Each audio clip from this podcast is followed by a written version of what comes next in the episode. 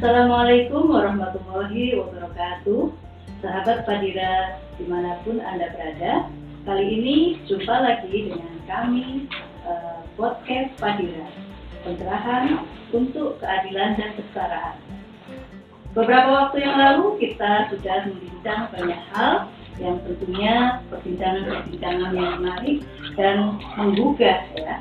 Sahabat Padira di mana pun Anda berada, Kali ini kita akan membincang topik yang menarik ya, berkisar soal beragama secara kritis. Bersama kita sudah hadir Ibu Musdah Mulia. Apa kabar Ibu? Alhamdulillah sehat sehat. Semoga kita semua diberi kesehatan ya Ibu. Semoga kita semuanya sehat. Amin. Nah Ibu, kalau berbicara tentang beragama secara kritis ya, ini sebenarnya saya terusik ya sama beberapa pernyataan teman-teman ketika kita pernah diskusi di Semara Galeri. Ada seorang teman yang ngomong bahwa sebenarnya dia itu rindu akan apa? Rindu datang ke masjid, rindu datang pengajian gitu. Tapi sementara orang itu ketika dia hadir itu merasa dia itu kok malah justru dia digugat ketika dia hadir ke masjid tidak berjilbab. Ketika dia hadir di pengajian dia mungkin berbusana yang menurut orang tidak islami gitu. Nah hal-hal seperti ini kan sebenarnya juga mengusik ya Bu ya. Ada kerinduan terhadap rumahnya beragama Islam gitu. Tapi sementara orang Islam sendiri memandang dia itu sebelah mata. Nah jadi saya ingin bertanya nih Bu sebenarnya itu agama itu apa dan bagaimana sih kita harus beragama? Baik sekali ya pertanyaan ini sungguh sangat apa, penting dan krusial ya buat kita semua. Apa yang disampaikan oleh Mbak Ruba itu bukan pertanyaan baru. Saya kira di beberapa tempat juga saya menemukan pertanyaan serupa ya. Jadi kira-kira begini, apakah dalam beragama itu kita harus menggunakan akal kritis kita atau nalar kritis kita? Saya pikir iya, karena apa? Di dalam kita kalau melihat Islam aja dulu ya sebelum hmm. saya menyinggung agama-agama lain. Dalam Islam saja ya kita kalau membaca kitab suci nih pasti semua punya Quran kan? Hmm. ayat yang pertama kali turun itu adalah ikro bacalah. Tapi bukan sekedar baca.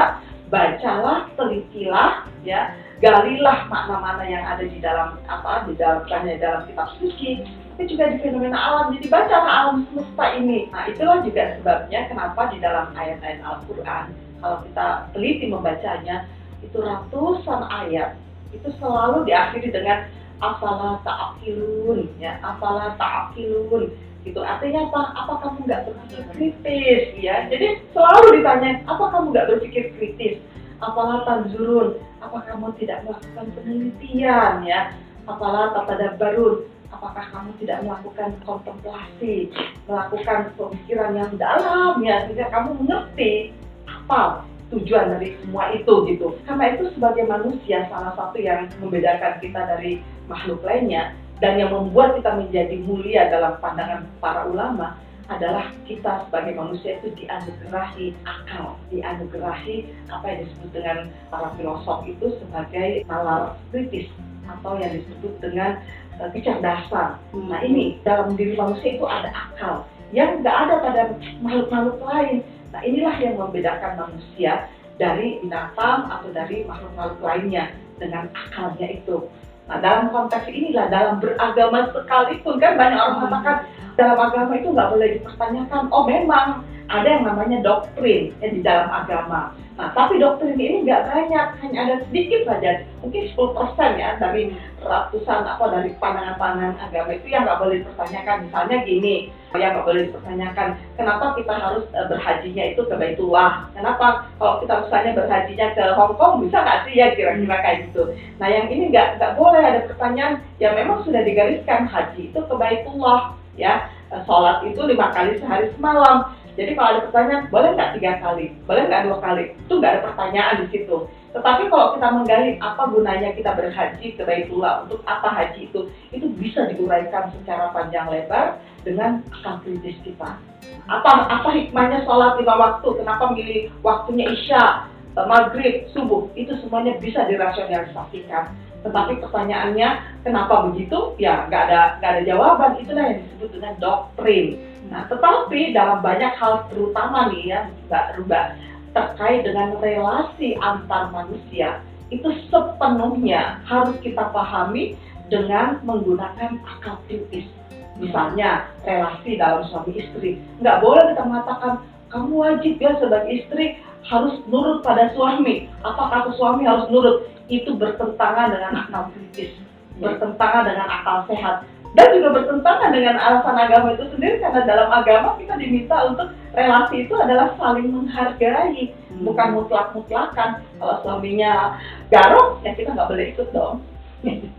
Jadi inti inti beragama itu ya memang sebenarnya agama juga mengajarkan kita untuk berakal kan gitu. Bahwa agama itu adalah untuk orang yang berakal benar ya. benar benar. Sebelum kamu beriman berakal dulu berakal dulu kan. Supaya apa? Supaya imanmu itu benar gitu kan. Karena kalau nggak nggak berakal kita akan dicekoki dengan pandangan-pandangan keagamaan yang nggak masuk akal. Ya tapi ya kadang ini kan bu kalau kita belajar filosofi aja gitu kamu nggak usah banyak belajar filosofi nanti jadi ateis gitu waduh. Gimana kamu? Filsafat itu mereka nggak tahu ya kalau di Islam itu ada filsafat. Ya, jadi ada loh yang namanya filsafat Islam. Salah satu tokohnya itu Ibnu Rushd hmm. yang sangat terkenal di Barat itu namanya Averroes.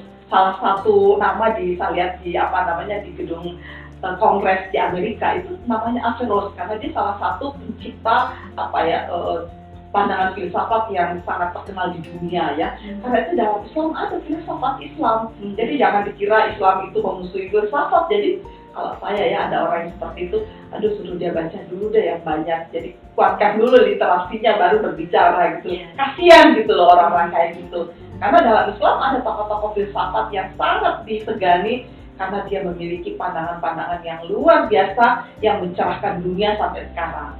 Ya, tapi ya itu tadi kan kadang kita miris juga gitu ketika dunia ini ya orang selalu melihat bahwa Islam itu yang buruk-buruk gitu bu. Kayak misalkan nih sekarang kalau di Taliban sedang perang gitu kan, itu dianggap Taliban itu Islam. Kemudian Palestina yang dari dulu bertahun-tahun sampai bahkan sekarang ini juga berperang. So, sehingga orang menganggap Islam itu kayaknya ini deh sumber konflik gitu loh Nah, kayak gitu gimana tuh Bu kalau kita kemudian menjelaskan bahwa Islam itu sebenarnya juga sebuah agama yang mengajarkan peradaban dan dia juga membawa kebaikan untuk manusia begitu. Ya, inilah susahnya ya karena orang susah membedakan antara Islam normatif seperti apa yang ter, apa terungkap di dalam kitab suci dan di dalam sunnah rasul dan Islam yang menyejarah dalam bentuk perilaku umatnya. Nah ini kan sudah hal yang berbeda. Ya terus terang saja ya sebagai umat Islam saya kita semuanya ini menanggung beban dari kejahatan Taliban ya. jadi kita semua dianggap sebagai teroris hmm. sebagai penjahat ya sebagai orang yang tidak menghargai apa namanya hak hak perempuan hak hak anak karena kejahatan mereka jadi kita sih terbebani gitu dengan kejahatan orang-orang itu bahkan juga kalau mengatakan umat Islam itu jorok ya karena memang sebagian besar umat Islam itu nggak mengenal kebersihan gitu loh jadi kadang-kadang saya berpikir kasihan kita nih ya yang benar-benar apa ya ingin mengedepankan nilai-nilai Islami, tetapi kita dibenturkan dengan fakta realitas umat Islam yang mau nggak mau ya kita harus mengakui bahwa ada loh sebagian umat Islam yang kayak begitu itu sama dengan di Palestina. Kenapa mereka perang dulu? Ya karena mereka antar antar mereka sendiri nggak bisa bersatu gitu. Karena itu persatuan itu harus dimulai dari internal mereka dulu baru orang lain bisa membantu. Hmm. Kalau mereka sendiri tidak mampu berperang, tetapi kan yang disebutkan di luar itu, ya mereka itu baru berperang karena orang luar, karena orang barat ingin melihat mereka berperang. Itu menurut saya itu keliru loh, selalu mencari kambing hitam gitu ya, hmm. selalu menyerahkan orang lain, selalu menggunakan teori konspirasi hmm. gitu kan.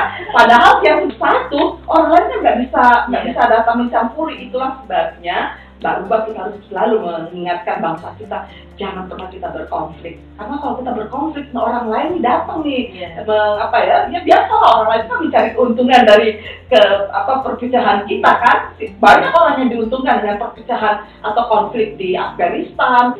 Terus terang saya mengatakan banyak kelompok yang mengambil untung dari konflik dan perang pasti kan penjual-penjual bisnis senjata itu kan diuntungkan nih baru Mbak. Jadi karena tuh jadi orang Islam tuh jangan bodoh, jangan tidak berpikir kritis. Karena karena itu mari kita jangan konflik. Karena ketika kita konflik, orang lain akan memanfaatkan situasi konflik ini untuk kepentingan apa? Kepentingan mereka sendiri. Yeah. Karena itu hati-hati jangan pernah kita berpisah, jangan kita pernah berkonflik. Mari kita bersatu membangun perdamaian karena perdamaian itu adalah mimpi terindah umat manusia. Ya, jadi karena ya itu tadi banyak praktek-praktek di Islam yang kemudian itu kadang membuat kita itu melihat juga kan orang di luar praktek dalam ya, masyarakat Islam ya, yang tidak Islami gitu. kan. Justru membuat uh, Islam sendiri terpukul gitu kan. Seperti kalau kita dengar sekarang ini ada istilah Islamofobia gitu kan. Ya. Orang menganggap Islam itu ya identik dengan teroris orang menganggap Islam itu cenderung kumuh gitu kan gitu. Nah, cenderung melecehkan perempuan atau melecehkan perempuan gitu kan, tidak apa uh, suka kekerasan begitu kan. Nah, term-term seperti ini kan sebenarnya uh, tidak menguntungkan gitu. Jadi sebenarnya kita ini harus beragama seperti apa, Bu? Nah, saya ingin contohkan ya, contoh bagaimana kita penting berpikir kritis menggunakan nalar kritis kita dalam menanggapi interpretasi agama yang banyak disebarkan di masyarakat. Jadi saya ingin tegaskan bahwa agama wahyu yang berupa firman Tuhan itu berbeda dengan interpretasi agama. Interpretasi agama itu dibuat oleh manusia. Yang kalau wahyu itu adalah firman Tuhan yang ada di dalam kitab suci ya. Dua hal yang berbeda. Nah, interpretasi agama saya ingin berikan contoh ya, terutama itu terkait dalam relasi suami istri pernah dengar kan Mbak Mbak di masyarakat kita nih para ustadz dan ustazah tuh yang menyampaikan begini. Kalian ya para istri dengerin ini ada hadis Nabi seorang suami yang pergi lalu meninggalkan istrinya dengan pesan jangan keluar rumah tanpa seizin dia. Lalu datanglah berita ayahnya sakit. Nah, si perempuan ini kan nggak pergi karena ingat bahwa dia pesan suaminya dan dia juga apa ya dicekoki dengan pandangan jangan keluar kalau nggak ada izin suami kan. Nah, jadi dia nggak pergi terus ada berita lagi bapaknya itu meninggal dunia. Dia nggak pergi lagi kan? Nah sampai suaminya pulang gitu kan. Akhirnya dia merasa uh, guilty gitu merasa bersalah banget nih si perempuan ini nggak bapaknya sakit dia nggak pergi, bapaknya meninggal dia nggak pergi, lalu datanglah dia itu kepada Nabi. Ini dalam hadisnya itu yang disampaikan para ustadz dan ustazah. Lalu kata Nabi, ya memang gitulah seharusnya gitu kan. Nah pertanyaan saya, apakah betul ya Rasulullah itu mengatakan ya begitu saja itu ya sudah sudah betul lah seperti itu. Hadis-hadis seperti ini menurut saya kalau kita cerna dengan akal yang kritis, dengan nalar yang kritis itu bertentangan dengan ayat-ayat Al-Quran yang mengajarkan kita tentang kebaktian kepada orang tua. Iya. Biru wali dan iya. itu wajib, wajib, wajib. Apa bahkan orang tua kita yang kafir sekalipun tetap harus kita hormati loh. Jadi teringat nih Bu, di TV kan kemarin sedang viral tuh ada seorang artis yang ngomong bahwa dia baru saja menikah, terus dia ngomong pada istrinya bahwa suara laki-laki atau suara suami itu suara Tuhan begitu kan nah pandangan-pandangan seperti inilah yang harus kita kritisi masa dia suara suami suami suara Tuhan memangnya Tuhan itu bisa diwakili oleh iya. kamu siapa Bahkan gitu ibunya atau orang tuanya pun kalah sama suara suami nah, gitu ya. gitu ini membuat orang syirik loh menurut saya iya. jadi ketakutan kita kepada sesama manusia namanya syirik juga loh benar hmm. karena itu ya seperti saya tadi katakan nah pandangan-pandangan yang seperti ini tadi itu ya pertama itu bertentangan dengan ayat-ayat yang mewajibkan kita mengabdi kepada orang tua, wali walidain kan gitu. Yang kedua, ayat-ayat apa uh, interpretasi keagamaan seperti tadi yang disampaikan oleh Ustaz dan Ustazah ini itu bertentangan dengan semua perintah dalam Al-Quran tentang pentingnya silaturahim. Coba, orang lain sakit aja kita datang menjenguk kan, yeah. nggak mesti harus minta izin kepada suami. Lah, dalam kehidupan bersama yang sebagai keluarga, yang namanya minta izin itu kan cukup. Orang kita tahu bahwa oh besok saya mau pergi jengukin ini teman saya sakit. Itu namanya sudah izin gitu loh nggak perlu harus minta izin secara formal apa harus menulis surat gitu kan. Aneh gitu kan. Nah yang namanya minta izin itu bukan hanya istri tapi suami juga harus minta izin kepada istrinya. yang namanya minta izin itu saling memberitahu. Sehingga kan kalau kita tanya ke suami ke mana, oh iya ke sana, atau istri ditanya. Jadi ada kan namanya juga kita saling mema, apa namanya etika ya di dalam kehidupan rumah tangga. Jadi apa yang dilakukan oleh suami kita ketahui para istri, sebaliknya juga demikian. Jadi bukan berarti izin itu minta izin secara formal itu nggak ada seperti itu.